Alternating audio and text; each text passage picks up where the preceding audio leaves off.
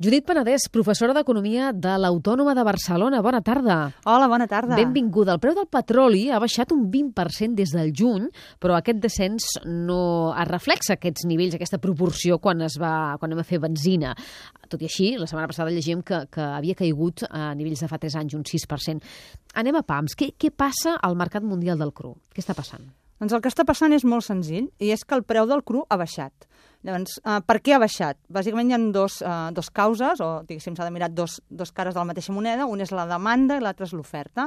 Molt bé. Què ha passat amb la demanda? Que ara es demana menys petroli com, com a combustible energètic. Per què? Doncs perquè els països estan una mica amb un alentiment del seu creixement. Ja explicàvem l'altre dia doncs, que Xina, per exemple, ha passat sí. de créixer un 12 a un 7 i que la zona euro també està ralentint el seu creixement. Per tant, hi ha menys demanda de cru en el sentit energètic. Això fa que el preu vagi a la baixa. Pel cantó de l'oferta, què ha passat? Doncs aquí potser és on realment tenim un fet més, més simptomàtic o, o, o més eh, interessant d'explicar, que és que, a part de que els països membres de l'OPEP han decidit eh, no, no pactar quotes i, per tant, produir en, en la mateixa producció que ja teníem fa temps, s'ha descobert també un nou mètode d'extracció que es diu fracking. Això és un mètode que bàsicament el que fan és, a, través d'unes substàncies químiques que injecten a les roques, poden extreure gas i petroli. I això és als Estats Units qui està utilitzant aquest, aquesta nova tecnologia per poder, diguéssim, extreure petroli i gas de lo que és la roca. I això fa que als Estats Units, dins de poc, si no ho és ja, doncs eh, segurament s'acabarà convertint en el principal exportador de petroli, quan fa pocs anys era importador.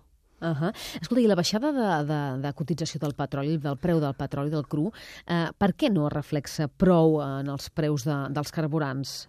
Doncs per també, què no arriba als consumidors? Sí, això és el que ens agradaria a nosaltres, que quan anéssim a les, a les benzineres doncs diguéssim, home, que bé, els preus són molt més barats i això voldria dir menys euros per omplir el nostre dipòsit. Però resulta que hi han tres causes bàsiques que han fet que aquesta rebaixa del preu del petroli no es transmeti de forma immediata ni de la mateixa proporció quines en els preus. Quines són? Primera, l'euro ha perdut força en el mercat, diguéssim, de divises, vol dir que l'euro s'ha depreciat, bàsicament una depreciació dels últims sis mesos del 10%, vol dir que comprar petroli ara en euros és més car el petroli es paga en dòlars. Eh? Per tant, ara, els, els mateixos barrils ara costa més en euros. Segon, eh, resulta que el que ha passat és que més del 50% del preu que paguem a les gasolineres són impostos. Els impostos, eh? Sí. I els impostos no rebaixen, al contrari, s'apugen. Per tant, això també fa que es freni aquesta transmissió. I en tercer, doncs, i aquesta potser és la causa més lleu, és que les companyies que refinen el petroli, que per tant converteixen petroli en gasolina, doncs també han augmentat una miqueta el seu marge d'explotació. I aquesta tendència seguirà o estem davant d'un canvi? Doncs la meva opinió és que seguirà. La meva opinió és que s'ha iniciat realment un canvi en el mercat del petroli, copat especialment per tots els països de l'OPEP, que basaven les seves economies en l'exportació de petroli i en els diners que això els, els, els aportava, com Venezuela o Aràbia Saudí.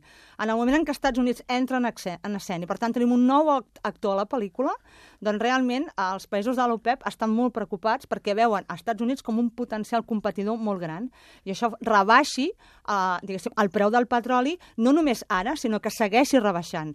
Òbviament, també hi han eh, restriccions, perquè aquesta nova extracció que he comentat és rentable per un preu del barril d'uns 70 dòlars. Si el preu cau més, eh, a, no, a no ser que es millori la tecnologia d'extracció, tampoc seria rentable. Uh -huh. Per tant, la conclusió és no estem davant d'un fet puntual, sinó que estem davant d'una tendència de rebaixa del preu del petroli continuada. Uh -huh. Doncs uh, ha quedat molt clar, la tendència continuarà de baixada de, de preu, això sí, sempre tenint en compte allò, allò que diuen els experts d'efecte coet i ploma, no? És a dir, que quan, quan puja el preu del carburant de seguida es nota en la benzinera, a l'hora de fer benzina, però en canvi, quan ha de baixar, és això, més l'efecte ploma, és a dir, que tarda una mica més i no al mateix ritme. Tarda una és mica així, més, no? és així, és així, malauradament. Doncs ens veiem la propera setmana. Adéu-siau. Adéu.